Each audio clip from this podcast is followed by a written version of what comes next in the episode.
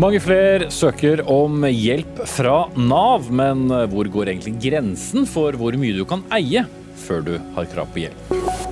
Nato-oppgjør på norsk venstreside. Audun Lysbakken møter Bjørnar Moxnes etter at SV-lederen sa han ikke ville melde Norge ut av forsvarsalliansen. Snart 60 år etter skuddene som drepte John F. Kennedy, frier den amerikanske presidenten tidligere hemmeligstemplede papirer. Men det stanser neppe konspirasjonsteoriene. Og ny fyr i rovdyrdebatten. Lokalaviser får hovedansvaret for de steile frontene, ifølge ny forskning. Redaktøren i Østlendingen møter WWF til debatt. Det er um, Dagsnytt 18, det. Fredag 16. desember. Jeg heter Espen Aas. Mange flere sliter og ber derfor også om hjelp fra Nav. I dag ble det kjent at 18 18 flere har søkt nettopp Nav om sosialhjelp det siste året, og i en ny Nav-veileder som kom i dag, understreker regjeringen at skjønn og raushet er viktig når Nav skal vurdere hvem som skal få sosialhjelp. Arbeids- og inkluderingsminister Martin Mjøs Persen hadde ikke anledning til å stille Dagsnytt 18 i kveld, men vi har med deg på linje stortingsrepresentant fra Arbeiderpartiet, Tuva Moflag. Hovedregelen er at man må selge eiendeler før man kan få sosialhjelp. Det gjelder hytte, bil, noen tilfeller osv. Hvor, hvor går grensen for eh, hva man kan eie og ikke før man skal få hjelp? Det er jo ikke satt noe absolutt grense på det, men det som jeg uh, syns er veldig positivt, og som statsråden også understreker i dag, er jo at man skal være rause, og at man ikke skal være så kategoriske og strenge når folk har det veldig vanskelig i en overgangssituasjon. Må huske på det at sosialhjelp er kortsiktig økonomisk eh, nødhjelp. Eh, og det er klart at Vi skal jo ha et, eh, en tjeneste som utøver skjønn, og det syns jeg at statsråden er veldig tydelig på i dag, og det er veldig positivt. Ettersom man understreker denne rausheten, eh, betyr det at eh, man tenker at den rausheten ikke har vært så til stede, eller ikke har blitt oppfattet som så raus? Det er jo i hvert fall sånn at Vi har hørt en del historier fra folk som har vegret seg for å oppsøke Nav. Eh, og det er jo glad for at både statsråden, men også at den øverste administrative ledelsen i Nav tar veldig på alvor eh, og oppfordrer folk til å komme til Nav eh, når man har behov for det. Så det er jo noe med at vi faktisk har et behov for å bygge opp tilliten til tjenesten. Jeg har sjøl vært flere timer hos Nav på Lillestrøm i dag, og de hadde en så fin holdning til de folka som kommer inn på torget torget der da, og trenger hjelp. Og de sa alle som kommer til Nav skal bli møtt med verdighet. og Det syns jeg er en veldig fin rettesnor. og Både vi som er politikere og de som er ledere i Nav må bidra til å få den kommunikasjonen ut, sånn at folk føler seg trygge eh, på å kontakte Nav. Og Der har vi jo hatt en jobb å gjøre, og der syns jeg at statsråden gjør et veldig godt grep i dag med det hun kommuniserer ut, og med den veilederen som, eh, som Nav har kommet med. Nav-direktør Hans Christian Holte her i studio, hva er årsaken til at så mange flere nå søker om sosialhjelp? 18 det er eh, litt av en økning. 18% det er en stor økning. Det er altså oktober i år sammenlignet med oktober i fjor.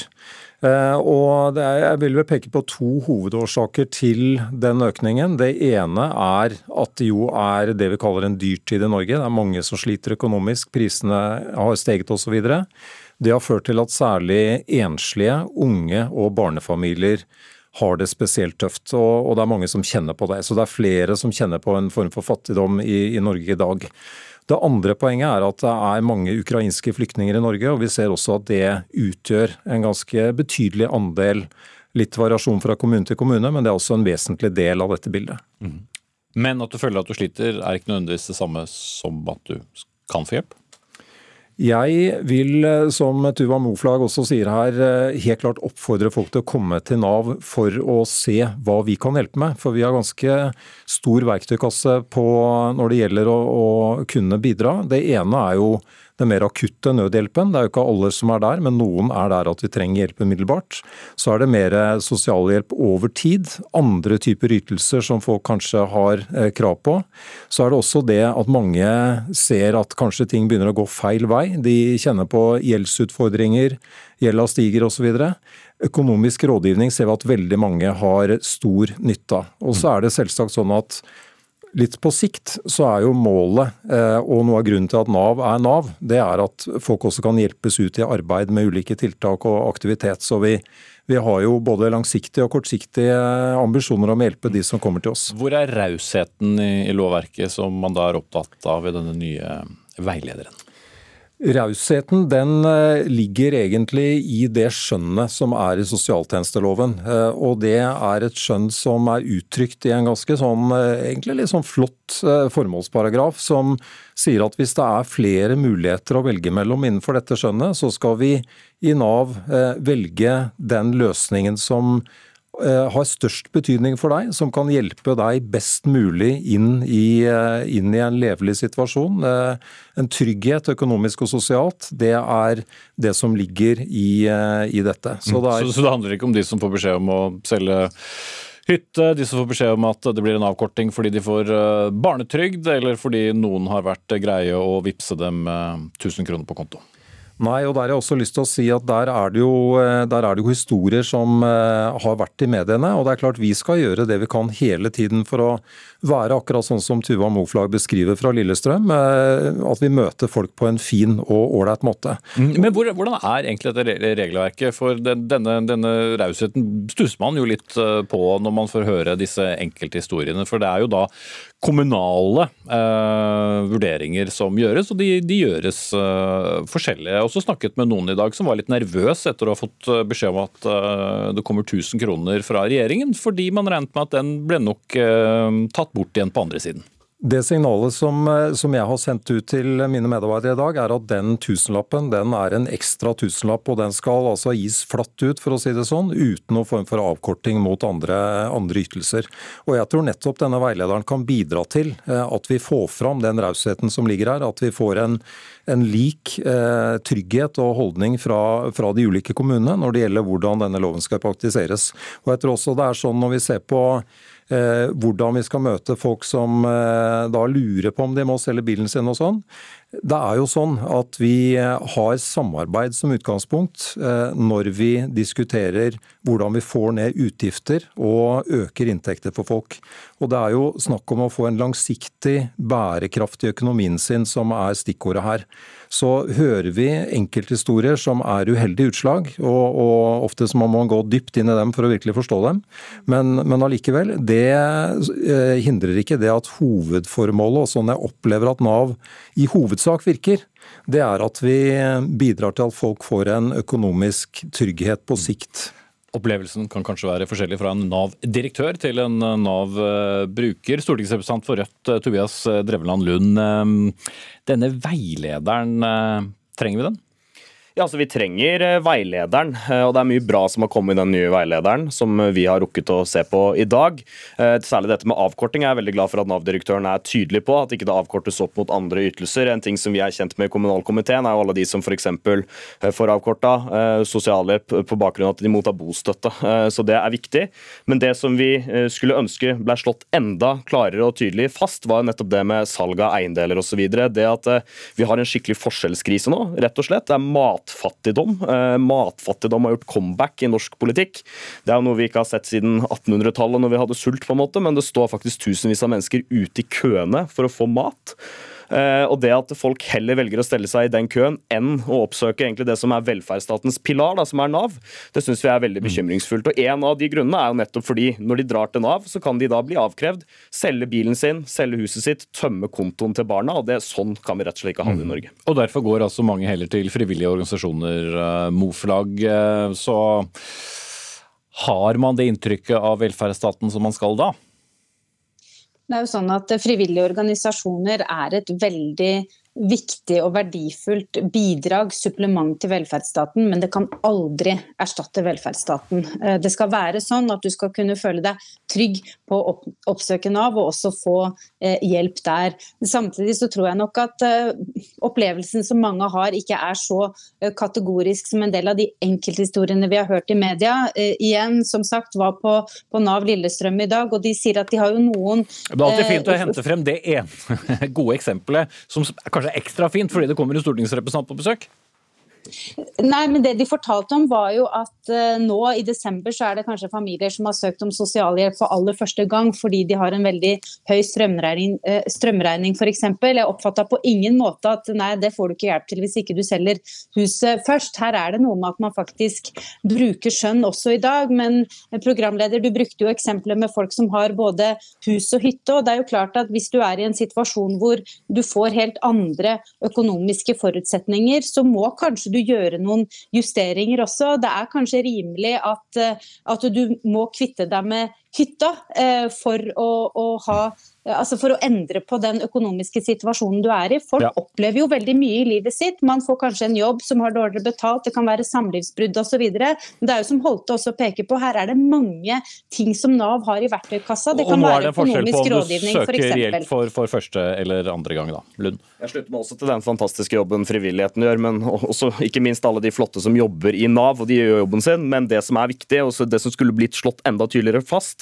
i den forskjellskrisa vi er i nå, hvor tusenvis av mennesker som aldri har oppsøkt hjelp, som aldri har spurt faktisk om økonomisk hjelp før, men er, ser seg nødt til å gjøre det nå fordi regningene hoper seg opp og de får ikke råd til å betale de, ja, da skal de faktisk møtes med, eh, med en, på en måte som gjør at de, vi viser forståelse, raushet, og da må det slås tydeligere fast i veilederen. Det er det vi, er, det, er det vi mener skulle vært ettertrykkelig enda bedre uttrykk da, enn det det er nå. Mm. Og det at man må skrive raushet i, i, en veileder, kan vel tyde på at det ikke har blitt oppfattet som så raust?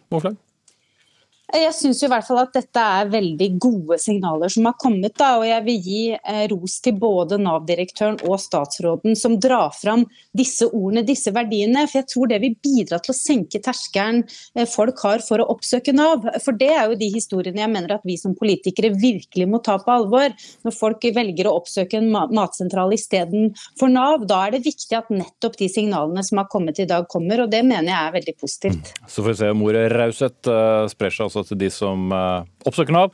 Tuva Moflag, stortingsrepresentant fra Arbeiderpartiet. Tobias Drevland Lund, stortingsrepresentant fra Rødt. Og Nav-direktør Hans Christian Holte. Takk skal dere alle tre.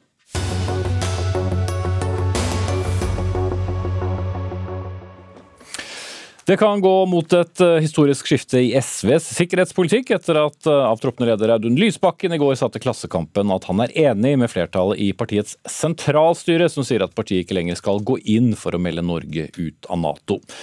Men eh, det er nå landsmøtet til våren som til sjuende og sist bestemmer. Audun Lysbakken, hadde du trodd at SV skulle gå inn for dette i sitt partiprogram på starten av dette året? Eh, nei, ikke hvis du hadde spurt meg for et år siden. Og det er jo ikke SV som har forandret seg, det er verden rundt oss som har forandret uh, seg. Vi uh, står for den samme kritikken av Nato. Nato er like problematisk som før, knyttet til den store avhengigheten av USA, atomvåpenstrategien, at autokrater som Orban og Erdogan kan holde andre land som gisler. Alt dette er like problematisk som før.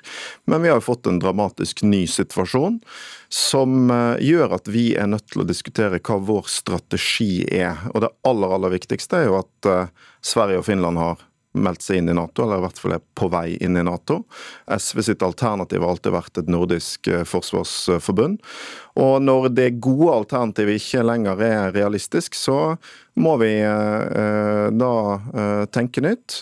Vårt mål er fortsatt en sikkerhetsordning i Norden og Europa som er uavhengig av USA. Men veien dit går ikke nå gjennom en ensidig norsk utmelding, den går gjennom å stå sammen med våre nordiske naboer. Mm -hmm. La oss ta et skritt eh, enda lenger til venstre. da. Bjørnar Moxnes, eh, leder av eh, Rødt. Har verden forandret seg gjennom dette året også for deg og ditt parti? Ja, altså Verden har forandret seg for absolutt alle. Eh, og Det er god grunn til å tenke gjennom sikkerhetspolitikken på nytt, og også tenke gjennom de prinsippene eh, vi har eh, på nytt. Så er det jo sånn at I den SV-uttalelsen er det jo veldig mange gode argumenter synes jeg, mot Nato. SV skriver at Nato har dratt oss inn i ulovlige angrepskriger. Har dreid Forsvaret vekk fra forsvar og i retning deltakelse i Natos autorelia-operasjoner. Og så mener jo vi da at, at denne begrunnelsen den står seg godt også i dag. Mm. Og da bør man melde Norge ut av Nato? Hva sa du? Og da bør man melde Norge ut av Nato? Ja, Vi holder fast i vårt eh, Nato-prinsipp. Eh, vi ønsker å være uavhengig av stormaktsinteresser. og Er du med i Nato, så følger det også med, som SV skriver, at Nato også er et redskap for amerikanske interesser. Samtidig så vil jo Rødt jobbe med søsterpartier i Norden uh, for mest mulig samarbeid, og for å prøve å få minst mulig tungt amerikansk nærvær uh, på nordisk jord. Problemet til Lysbakken kanskje er at jeg syns det er et sprik mellom premissen i uttalelsen og konklusjonen om å egentlig legge vekk målet om å gå ut av Nato. Fordi Premisset synes å være at eh, Nato og USA skiller lag. Men det som skjer nå, dessverre, er jo at vi får et tyngre amerikansk militært nærvær i Norden enn noen gang før. Både med amerikanske militærbaser i Norge, som Stortinget mot SV stemte for, men også med det gjør det ikke vanskeligere, Lysbakken? Nei, altså, det, Den debatten handler jo egentlig ikke om synet på Nato. fordi Som vår uttalelse viser, og som uh, Moxnes uh, peker på, så er vår kritikk av Nato den samme som før. Uh, det det handler om, er hva slags strategi skal venstresiden ha for å få til en sikkerhetspolitikk som er mer uh, uavhengig av USA. Og for vår del, da, det som er viktig for SV, en sikkerhetspolitikk som er fundert i Norden, der Norden, eh, våre felles interesser med våre naboland, er hjørnesteinen. Der alle er medlemmer av Nato? Ja, og da er jo utfordringen at Ser en dette på kort sikt, så er det åpenbare utfordringer ved en norsk utmelding. Eh, det norske forsvaret er ikke klart til å stå alene. Det er behov for en felles front mot eh, Putin nå. Det tror jeg Rødt også mener, for så vidt. De har vel egentlig avlyst utmelding på kort sikt. Men også på lang sikt så er jo spørsmålet da hvordan får vi til forandring? Vil vi at Norge skal stå sammen med våre nordiske naboland, eller vil vi at Norge skal stå alene? Det er det som egentlig er spørsmålet her. Ikke analysen av Nato, men hva gjør vi i en situasjon hvor det beste alternativet, nemlig et nordisk forsvarsforbund utenfor Nato, ikke er tilgjengelig? Hva gjør vi da? Er det best å stå helt alene, eller er det best å stå sammen med Norden og søke forandring? Og Så er jo da eh, utfordringen for Moxnes, er det realistisk da?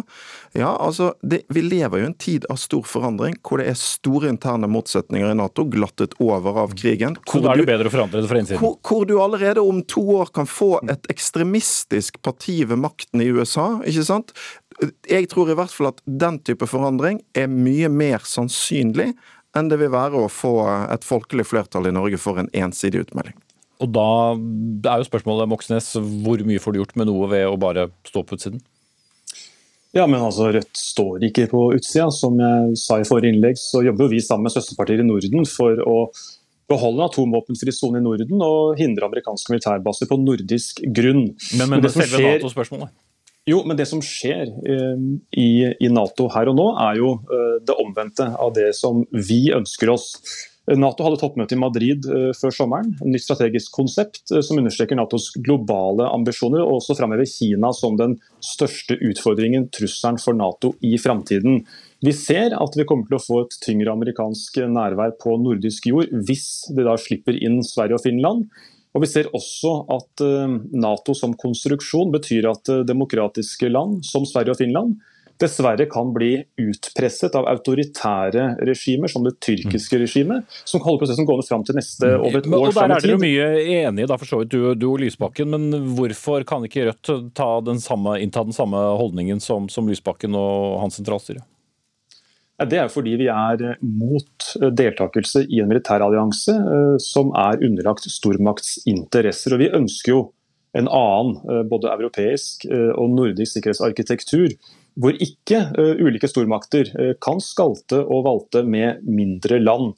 Men er du med i Nato, så følger det en del med det medlemskapet, som SV helt riktig påpeker i uttalelsen sin. og det blir vanskelig å føre en uavhengig eh, sikkerhetspolitikk, utenrikspolitikk. Det er ikke gitt at eh, Nato er med på å dempe spenningen i nord, snarere tvert imot. Og Norge som en småstat har interesse av å jobbe for en verden uten den typen stormaktsinteresse. og Det er viktig for oss. Derfor er vi mot eh, Nato-medlemskapet. Disse tingene er vi jo eh, helt enige om. Eh, vi må jobbe i Norge for å unngå etablering av amerikanske baser. For at den historiske muligheten vi nå har til nordisk samarbeid, blir brukt til det, og ikke til å gjøre hvert enkelt nordisk land avhengig av USA i større grad. På den måten kan vi over tid bli mindre avhengig. Vi må jobbe for å bruke de mulighetene som kan komme opp i årene som kommer til å endre eh, sikkerhetssystemene i Europa. Europa står foran store endringer som ingen av oss overskuer i dag. Men det er jo nettopp de diskusjonene vi må ta. det da jeg syns svaret til Moxnes blir litt enkelt, eller rettere sagt, han går litt utenom det som er kjernespørsmålet. Hvorfor vil det å jobbe for en nasjonal utmelding som vil gjøre at Norge står alene, løse disse tingene? Eh, jeg tror rett og slett at vi må erkjenne at vi er i en ny situasjon der den gamle planen for å oppnå eh, det vi vil, et Norge mer uavhengig av USA, ikke lenger er et godt nok svar, og da må vi lete etter andre svar. Eh, og jeg tror at det er også en mulighet for venstresiden når vi viser at ja, vi er villige til å ta noen krevende diskusjoner fordi sikkerhet, folks følelse og opplevelse av trygghet er så viktig, eh, så eh, er vi også, tror jeg, der at veldig mye av det venstresiden står for eh, i sikkerhetspolitikken. En, det å hente Forsvaret hjem. Det å fordype det nordiske samarbeidet. Det å si ja til atomvåpenforbudet. Det har sterk folkelig støtte, og kanskje er det sånn at denne utmeldingsparolen, som jo eh, for eksempel, altså på siste meningsmåling bare støttes av 4% av befolkningen, kan stå i veien for at venstresiden blir hørt eh, blant alle de som jeg tror er enige med oss i den retningen vi ønsker å gå. Mm. Men forskjell på, på dere to, jeg, jeg, må runde av der. Bjørnar Moxnes, leder av Rødt, og SV-leder Audun Lysbakken.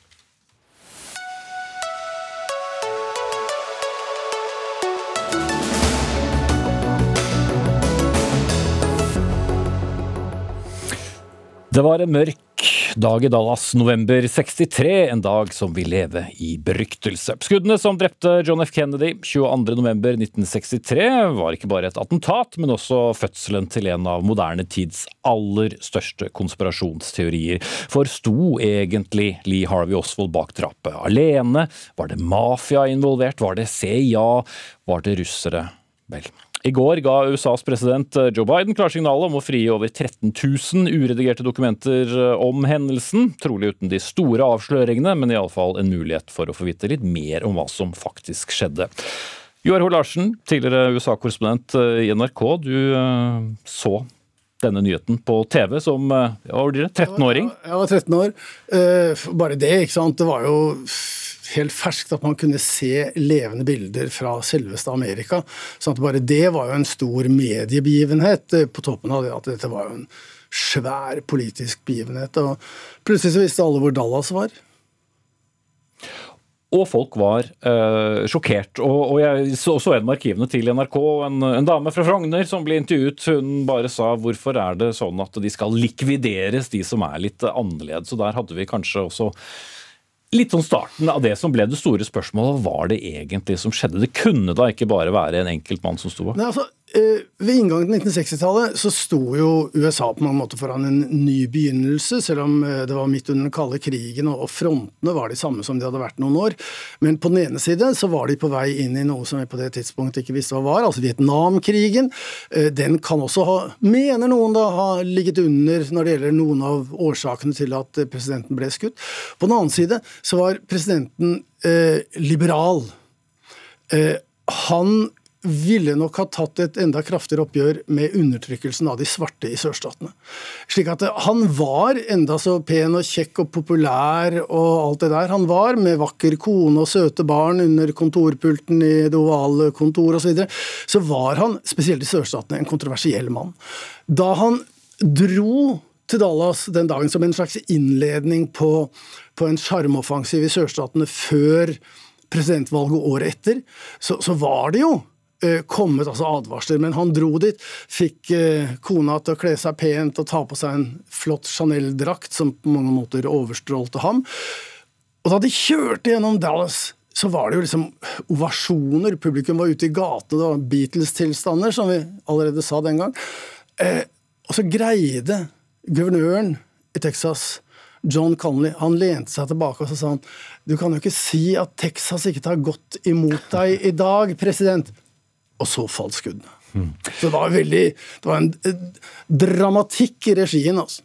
Gjermund Stenberg Eriksen, serieskaper og USA-nerd, kjent fra podkaster som Trump mot verden og, Popkorn og, og, politikk. Hva er det som gjør akkurat dette drapet nærmest til den eh, perfekte konspirasjonsteorien? For vi har jo da en morder som selv blir drept, og den morderen igjen dør av kreft før man kommer i gang med etterforskning. Ja, Det er jo hvem som ble drept som er viktig for at det skal bre ordentlig om seg, og at han var kontroversiell, som allerede er beskrevet. Det er flere sider ved det man mener Kennedy ville gjennomføre av politisk prosjekt, med broren RFK, eh, som også var veldig progressiv etter datidens standard. Og så er det jo da at det ikke kommer svar, eh, og det er etterretningsorganisasjonene, CIA og alle de andre avartene USA hadde, og FBI, har jo mye hemmeligheter som de ikke kunne frigi. Eh, og hvor de tråkker ned i en saus og en søle der de har masse operasjoner på tvers av alle mulige land. Og det at de da ikke kan svare eh, på hva som har skjedd med Lee Harvey Oswald, hvordan var de visst om han eh, før dette drapet, det vi jo, fikk vi jo litt mer svar på i fjor, og så får vi se om vi får enda mer svar eh, denne gang. Mm. Men eh, som vi snakket om på telefonen tidligere i dag, Joar Hoel Larsen, eh, amerikanerne er jo veldig gode på hemmelighold, og bare det i seg selv gir jo mye groven. Det er klart det. altså Folk vil vite. De vil ha et svar. Myndighetene holder opplysninger tilbake. Pakker det inn i forholdet til fremmede makter og rikets sikkerhet og den slags. Men folk krever svar. De, de vil ikke sitte der og lure. Så ble det nedsatt en kommisjon, da. Eh, Warren-kommisjonen, høyesterettsjustitiarius med norske aner. Og den konkluderte med at Osvald var alene. Han hadde ingen medsammensvorne. Det var ingen andre som avfyrte noen skudd der den dagen.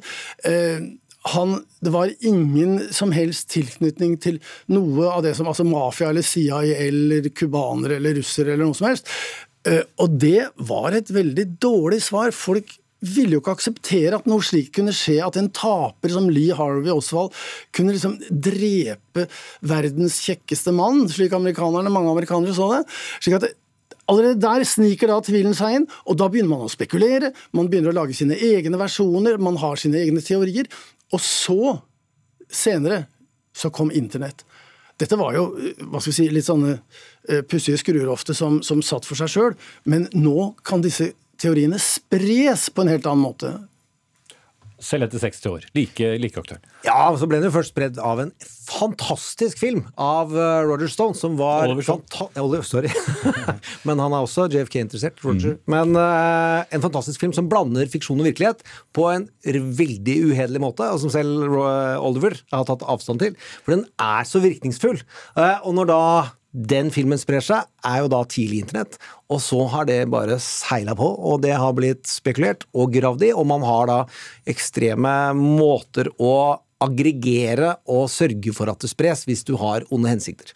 Og du har fått nye konspirasjonsteorier som prøver å flyte på Kennedy-drapet, nemlig at hans barnebarn eh, døde, og at han vil komme tilbake eh, og være en del av dem som skal rive ned den sittende presidenten nå. Og så er det jo mange som mener at han faktisk overlevde. At, at, det også er en del av konspirasjonsteorien. Uh, og da altså Det finnes jo bilder der som, som, viser at et menneske kan ikke overleve de skadene. Men så er det som du sa, altså det frigis dokumenter. Altså Bilder kan fakes, dokumenter kan slippes fri, men det finnes alltid noen andre dokumenter som ikke er blant de dokumentene som blir eh, offentliggjort eller nedgradert. slik at det, er man først inne på det sporet at her er det noe mer, så hjelper det på en måte ikke å, å nedgradere dokumenter eller vise bilder eller sannsynliggjøre det hinsides tvil. For det vil alltid være noen som mener at jo, men de har Det er noe lureri her, og det er noen som skjuler seg bak, og dette QAnon som f.eks. har de mest utrolige teorier om hvem politikerne egentlig er. Altså de er reptiler fra verdensrommet som, som bedriver Spiser barn. spiser barn og lever av eh, trafficking osv. slik at det, det, da er det ingen grenser for hva man kan begynne å spinne videre på. Og, og det gjør de jo stadig da, uh, Eriksen. Og det er jo, som Joar Hoel Larsen sier, fortsatt da ikke alt som er frihet, for noe må hele tiden holdes tilbake. Og da er vel akkurat det de siste viktige dokumentene, kanskje? Det fine er at det er uh, selvbekreftende. Altså det, det, er rart, De stoler jo ikke på staten, de kaller det deep state, men de i staten holder på de hemmelighetene, og de er sikre på at hvis hemmelighetene ikke kommer ut, så er de ødelagt for alltid. Uh, og det er jo paradokset inne i disse konspirasjonsteorimiljøene, at de etterspør myndigheter som de ikke stoler på, og som det også er gode grunner til å ikke stole på i ganske mange andre spørsmål, bare ikke dette drapet. For eksempel ta stormingen av Capitol Hill. At hele Secret Service accidentally sletter alle sine tekstmeldinger fra den dagen fordi de hadde en overhaul, er jo sånn som får meg også til å tenke ja ja, dette er litt vann på mølla for Så Hvis vi da går litt tilbake, før 63 så hadde, jo, så hadde de jo amerikanerne vært med på å likvidere regjeringssjefer og statssjefer. De hadde tatt livet av uh, brysomme opposisjonelle politikere i andre stater. Uh, de hadde vitterlig da styrtet folkevalgte regjeringer i, i Iran og i Guatemala på midten av 50-tallet. Og dette, dette, benektet de hele tiden, hele veien. slik at de, de, ble jo tatt i løgn. Og hvorfor skulle man da liksom tro at dette var sant? Mm. Vi, ja, jeg må runde av der, dessverre. Gjermund Sendberg Eriksen og Joar Hoel uh, Larsen. Vi er vel ganske sikre på at teoriene lever videre. Og kjenner jeg vårt kjære Twitter uh, rett, så er dere vel allerede i gang.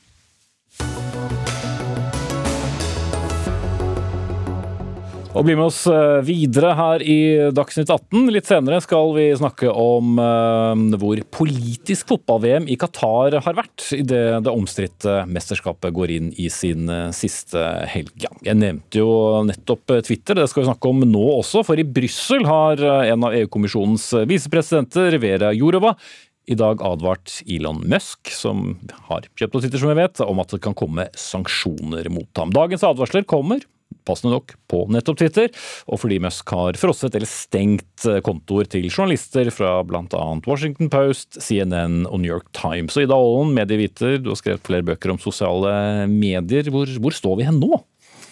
Ja, der vi står nå, ja, Det er nesten så man må sjekke det sekund for sekund når det gjelder Musk. For han har jo bl.a. Eh, sendt ut en liten avstemning hvor man kan, folk kunne få lov til å mene noen ting om hvorvidt disse journalistene skulle få lov til å komme tilbake nå.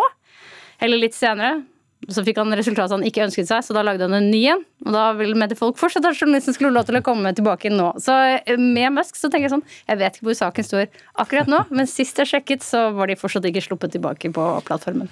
Så er det da et uh, vakkert eh, begrep som har dukket opp som heter doxing, som vi må kjenne til. Hva, hva er det? Ja, så eh, Doxing kommer fra documents, eller dokumenter i flertall, eh, og er egentlig da en slags internettslang for å publisere store mengder eh, dokumenter eh, om folk, privatdokumenter typisk, som eh, kan da ofte inneholde sensitive informasjoner. Og så har det blitt egentlig, etter hvert betyr det bare å eh, publisere personlig eller privat informasjon om noe på nett, sånn at de f.eks. kan bli rammet av trakassering.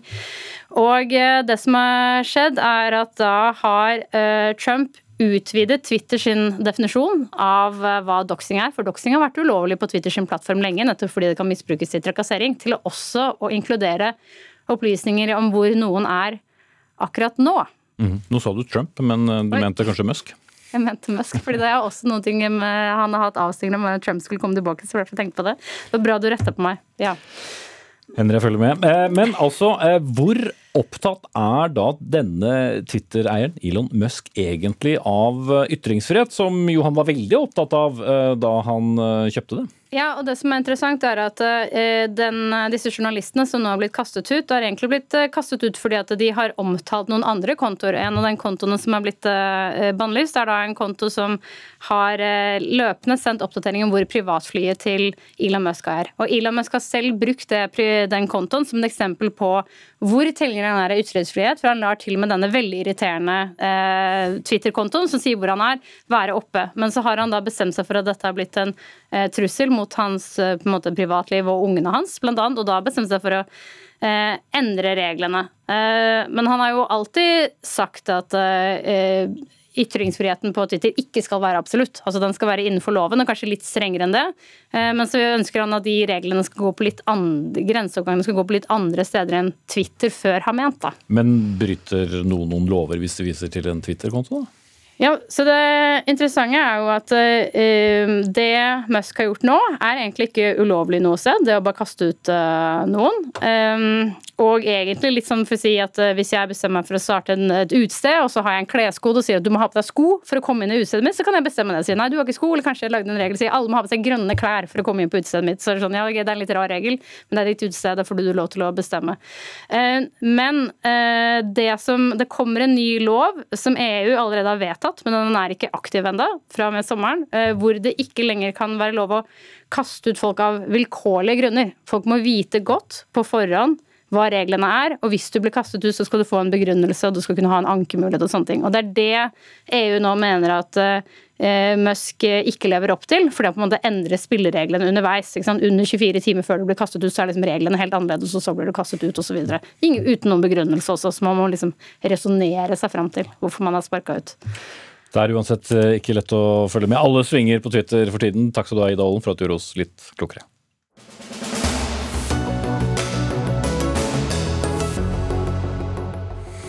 Da gjenstår eh, bare finale og bronsefinale før fotball-VM 2022 er historie. Og i formiddag så avholdt Fifa-president Gianni Infantino en oppsummerende pressekonferanse i Doha.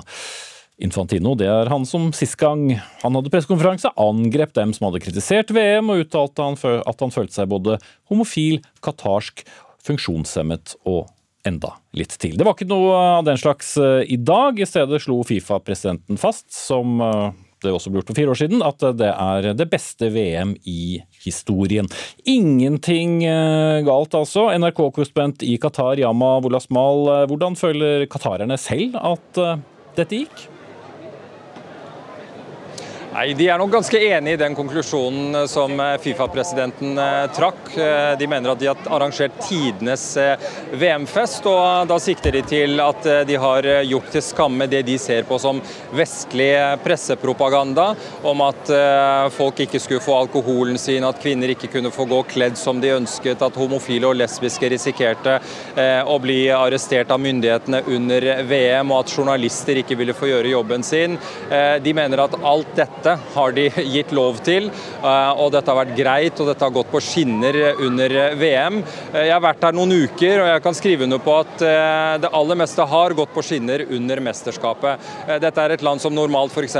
ikke har noe som helst pressefrihet. og Jeg har vært overrasket over hvor fritt jeg har kunnet operere som journalist. Jeg har ikke hatt noen som har fotfulgt meg. Jeg har kunnet jobbe med de sakene jeg ønsker og snakke med de menneskene jeg ønsker. Men så er det store spørsmålet hvor mange av disse lempelsene vil bli videreført også etter at flomlysene skrus av på søndag etter finalen.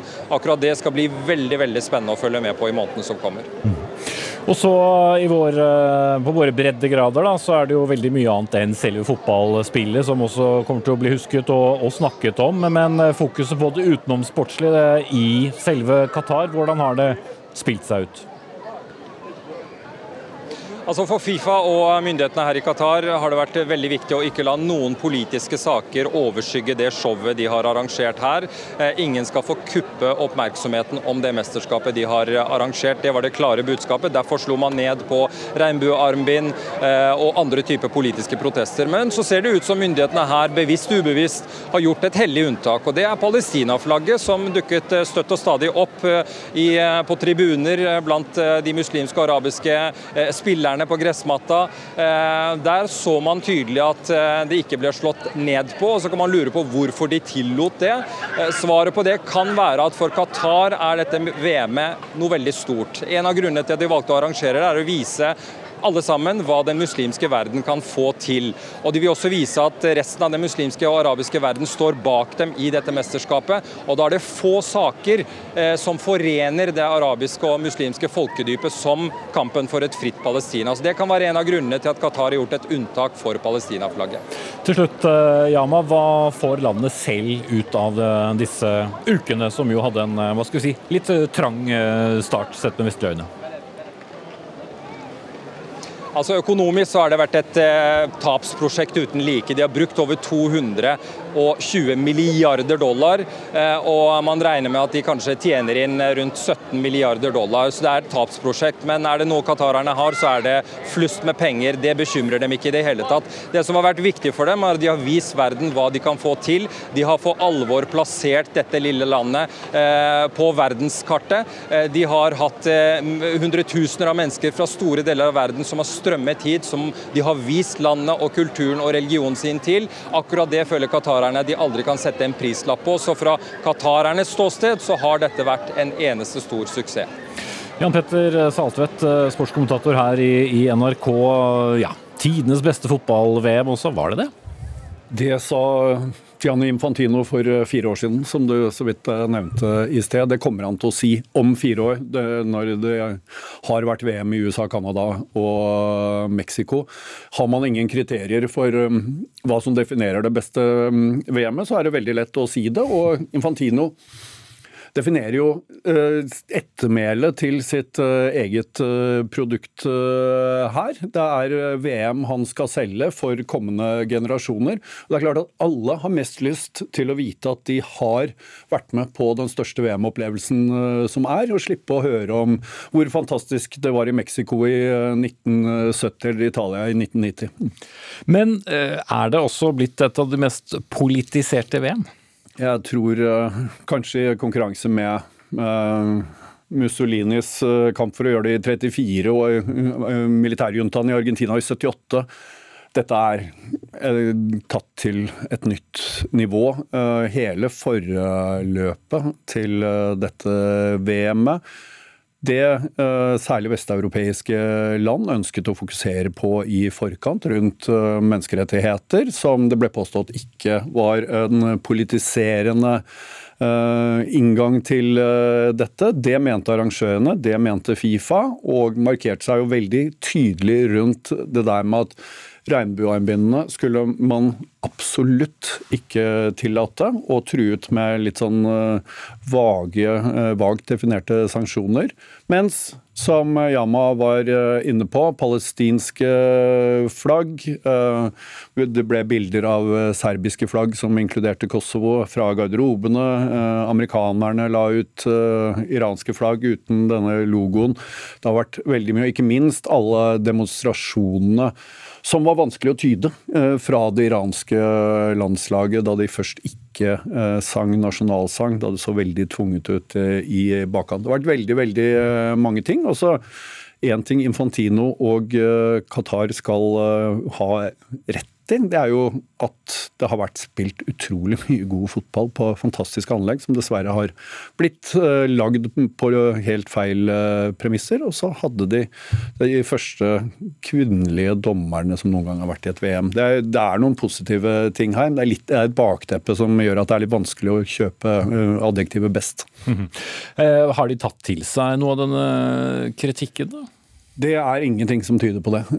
Alt tyder på at Eh, det er en følelse i Fifa og blant arrangørene at eh, det var den viktigste kampen, å få vist hvem som hadde styringen, hvem som fikk lov å fortelle historien eh, rundt dette. Fifa og Infantino har styrket sin posisjon ganske betraktelig, og det er Europa som er opponenten i den striden, som kommer til å fortsette å dreie seg om makten over verdensfotballen, rett og slett. Mm. Nå er det Nord-Amerika neste gang, men men 2030 er ikke avklart, så det kan bli mer støy? Det kan bli atskillig mer støy hvis eh, det er som altså hadde, hadde, vi sittet her for to år siden, så ville jeg sagt at Saudi-Arabia kan ikke arrangere et eh, fotball-VM på flere tiår. Akkurat nå tenker jeg at eh, jeg ser ikke hvordan man skal komme seg unna at Saudi-Arabia blir arrangør i 2030. Forhåpentligvis at det er 100-årsjubileum, at de da kanskje vil ha det til Sør-Amerika der det startet. Men de kreftene som jobber for Saudi-Arabia, er så sterke. Takk skal du ha, sportskommentator i NRK, Jan Petter Saltvedt.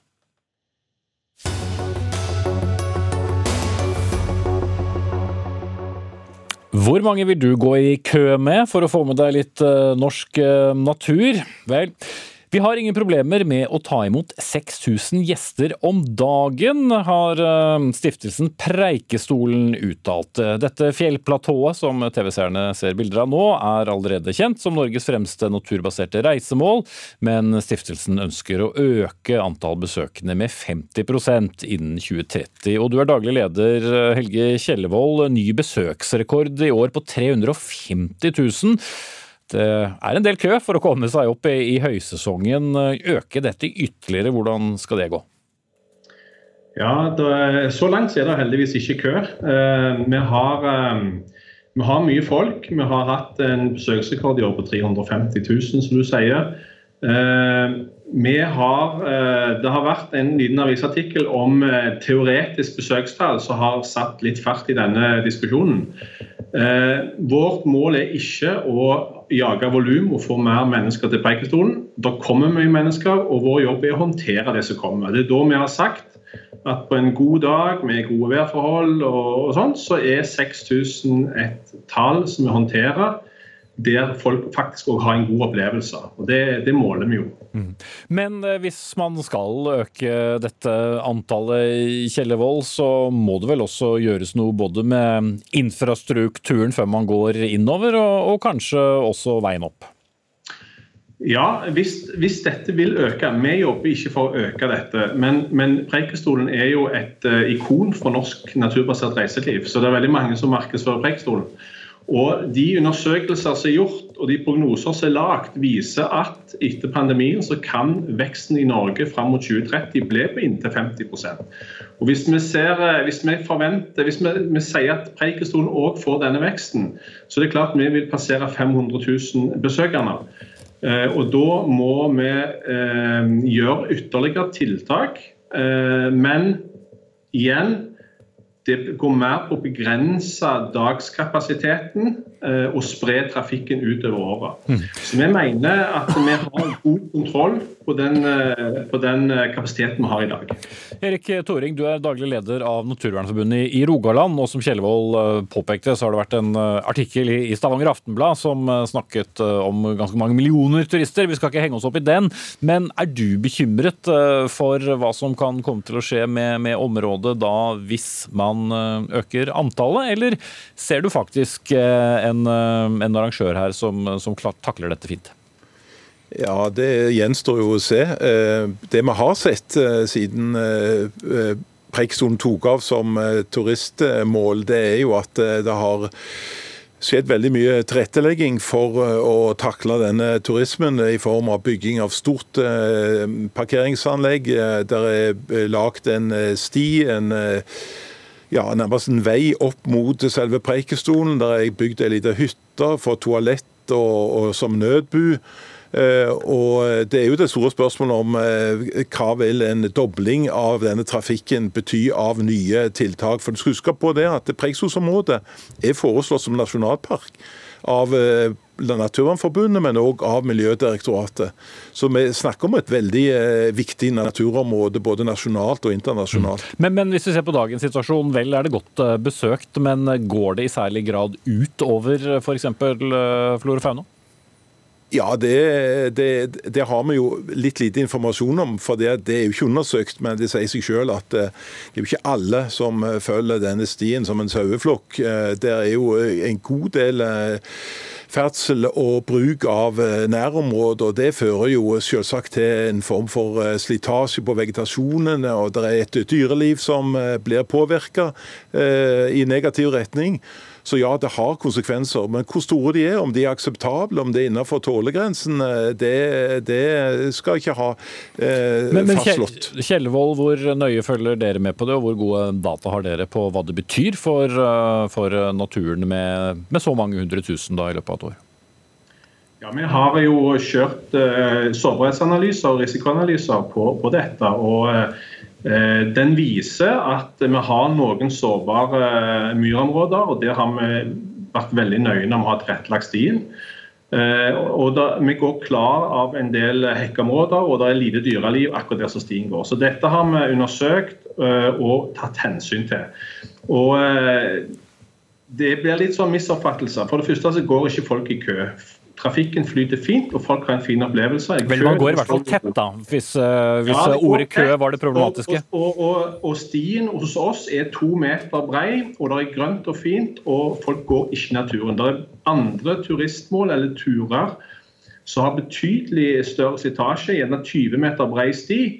Mens vi har altså over 300 000, og vi har en sti på to meter, og den holder folk seg på. Så det er litt utfordringer med telting, men det jobber vi med. Hvis det skulle bli en nasjonalpark, eh, hva, hvordan skulle du forholde deg til det? Vi forholder oss til det som er realiteten. Eh, blir det nasjonalpark, så forholder vi oss til det. Eh, nå forholder vi oss til at det ikke er nasjonalpark.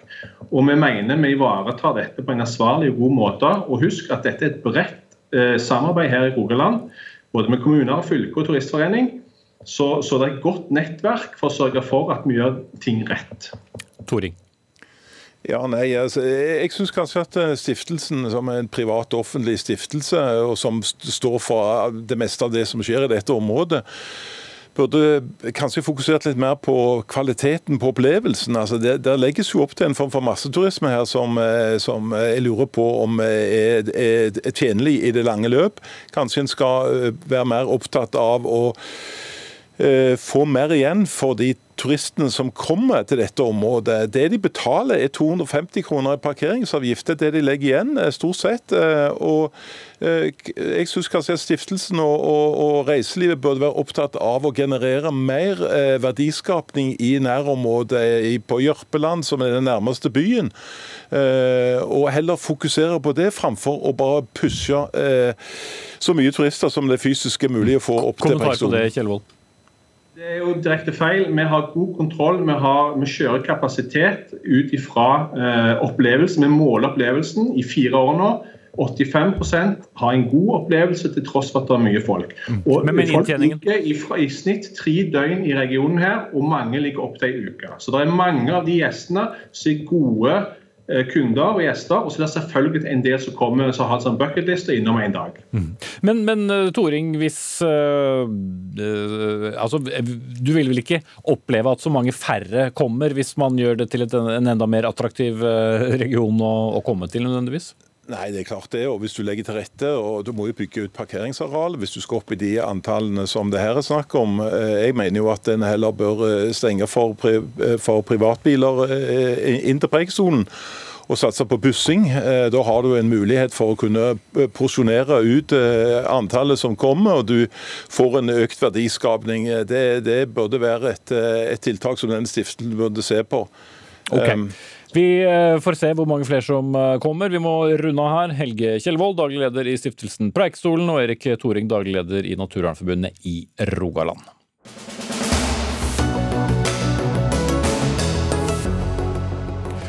Ulv, ulv. Det er stor forskjell i hvordan lokalaviser og riksaviser omtaler rovdyr. Særlig lokalavisene bidrar til å holde rovdyrkonflikten varm, både gjennom omfang og hvordan dyrene blir fremstilt, viser forskning som nylig ble publisert av Høgskolen i Innlandet og omtalt bl.a. av Norsk Telegrambyrå. Du er en av dem som har jobbet med undersøkelsen. Vilde Sponberg, tidligere student ved nevnte skole og utdannet biolog.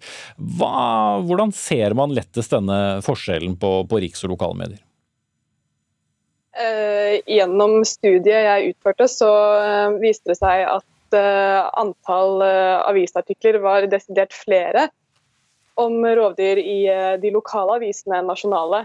Samtidig som at det, omtalen var også mer Det var flere negative omtaler i de lokale enn de nasjonale. Mm. Negative på hvilken måte? Nei, det var jo Eh, når man gjør et sånt studie, så må man eh, kode på en bestemt måte for å kunne få fram eh, de resultatene man vil ha. Og da var det, for, da var det veldig typisk å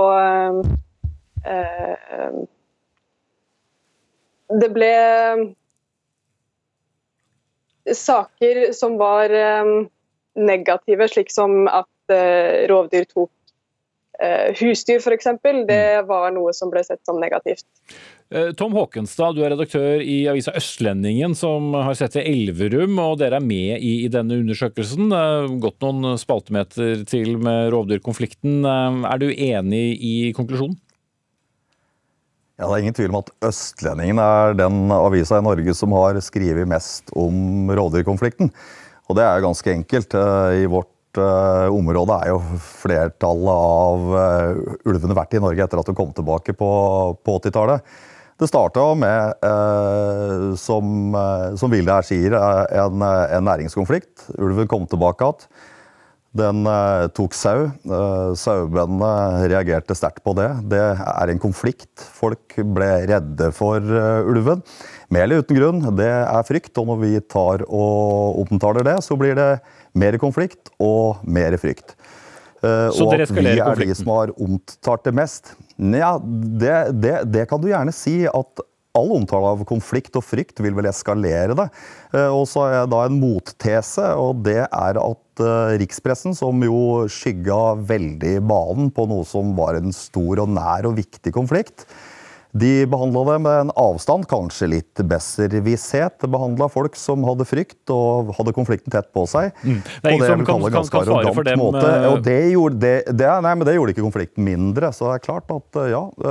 Men det er politikken Eh, og at ulven kom tilbake, som ble omtalt. Eh, vi var en budbringer av hva oh, okay. folk i distriktet mente. Karoline Andaur, generalsekretær ved WWF eh, Norge. Hvordan virker økt omtale inn? Det er vel bra at man snakker om de to sidene i en såpass betent konflikt? Absolutt, og det er jo en konflikt mellom rov, med rovdyrene og ulike næringer i Norge. Det vi har sett både med denne studien der, men vår egen analyse og der vi har sett på mediedekningen, er at den er ganske ensidig. Slik at en hele tida drar fram de negative sidene ved å ha rovdyr i norsk natur, istedenfor å trekke fram de positive sidene. Så det blir en veldig sånn negativ vinkling, og ikke den positive. Ville det vært vanskelig, Tom Hockenstad, for eh, de leserne du har til Østlendingen, å peke på de positive sidene, samtidig som eh, dere hadde da episoden med husdyr? Er på ingen som helst måte, men i utgangspunktet så var det altså at ulven kom tilbake til norsk natur. Eh, det hadde konsekvenser. Det å unngå å omtale de konsekvensene ville være merkelig. Og hvis du ser de siste åra og dekningen til Østlendingen, så er det jo sånn at eh, det vi omtaler, det er veldig mange videoer vi får inn av både bjørn og ulv. Eh, skaper ingen konflikt. De som sender det inn, er jevnt over veldig positive. Det er ikke noe frykt. Eh, å snakke om. og Det er kanskje fordi norsk rovdyrpolitikk begynner å, å, virke etter det Stortinget ønsker. Eh, det som er nå, er at det finnes ikke sau innafor ulvesona lenger. Det er sånn at når, eh, når, når, sauen, når, når ulven kommer utafor ulvesona, så blir den felt. Det er mindre konflikt. Jeg får ikke inn et leserinnlegg. Jeg har gjort det i løpet av min periode som åtte måneder redaktør her. Så jeg kan ikke se at vi bidrar noe spesielt til konflikt lenger. Vi har ingenting å tjene på det. Vi ønsker ikke den konflikten. Okay, ja, jeg mener jo at det brukes i stor grad negative ord, da, hvis det er et eller annet møte med en ulv, istedenfor å kunne òg understreke det positive. Eh, så hvis en ser en ulv, så er det det skaper frykt. Eh, den har overskrifter som at den er farlig, dette må folk må passe seg. Istedenfor å kunne dra fram eh, fra media sin del òg at vi har ingen episoder der ulv har tatt mennesker, og den er ikke farlig. Blir ikke det som skriver at i dag har det ikke vært noen trafikkulykker? Det vil jo ingen avis skrive. Nei, det er jo akkurat det som kanskje er, preger media mer og mer. da, Lage store overskrifter og få mer klikk. Eh, så det tenker jeg studien her viser ikke da, ikke bare spesifikt for østlendingen, men at den bruker negative uttrykk for som er med å fyre opp under konflikten, da, mm. mer enn å med å dempe den. Sponberg, du som har undersøkt dette. Hvor mye plass uh, brukes uh, når det først blir oppslag? Um, det kan jeg nesten ikke svare noe på, for studiet var ganske nytt og grunnleggende. Det er ikke så veldig eh, Det er ikke gjort så mye studie på. Så det ble mer generelt studie som ble gjort. da. Men, men, men Håkenstad, hvis jeg stiller deg spørsmålet, altså, hva ville dine lesere være mest interessert i? En sak om uh, naturmangfoldet ved å bringe ulven tilbake, eller nettopp uh, konflikt mellom forskjellige interesser? Jeg skal gjenta meg sjøl. Hvis en ser på Østlendingen og de videoene som vi da har brukt mest tid på, og som vi publiserer, så er det ikke noe konflikt rundt det. De som sender det inn, er ikke redde for ulven og for bjørn, og det er heller ikke de som tar det. Jeg får ikke inn et leserinnlegg om rovdyrkonflikten lenger, rett og slett fordi at konflikten er dempa. Det er en kvantitativ analyse. Jeg stiller ikke noe spørsmål ved analysen, men det er en virkelighet som er langt tilbake i tid. Mm. Det er ikke sånn at vi tjener noe på og Det er snakk om en klikkbasert. Altså Ikke har vi spesielt mye klikk på det, og jeg selger ikke abonnenter på det. og spørsmålet er da, Hvem er det som tjener på konflikten da? I okay. hvert fall ikke østlendinger. Ja, da viser egentlig dette rovdyrforliket at uh, det ikke er så høyt konfliktnivå lenger? At vi har en politikk som virker? Vi opplever at det er fremdeles konfliktnivå, og rovdyrforliket har jo en uttalt eh, at en skal ha en bærekraftig økologisk bestand av ulven, og det har vi ikke i dag. Men så vil jeg si at det sendes jo ut push-varsel om at en observerer en ulv ved en skole, en mulig observasjon, og det er jo for å skape klikk og kanskje frykt. Mm. Karoline Andaur, generalsekretær i WWF Norge, Tom Håkenstad, redaktør i Østlendingen og Vilde Sponberg, takk skal dere ha. Dagsnytt 18 er ved veis ende. Fredrik Lauritzen var ansvarlig for den. Hilde Tosterud tok seg av det tekniske. Jeg heter Espen Aas. Vi ønsker god helg og ses på den andre siden. Eller høres, da.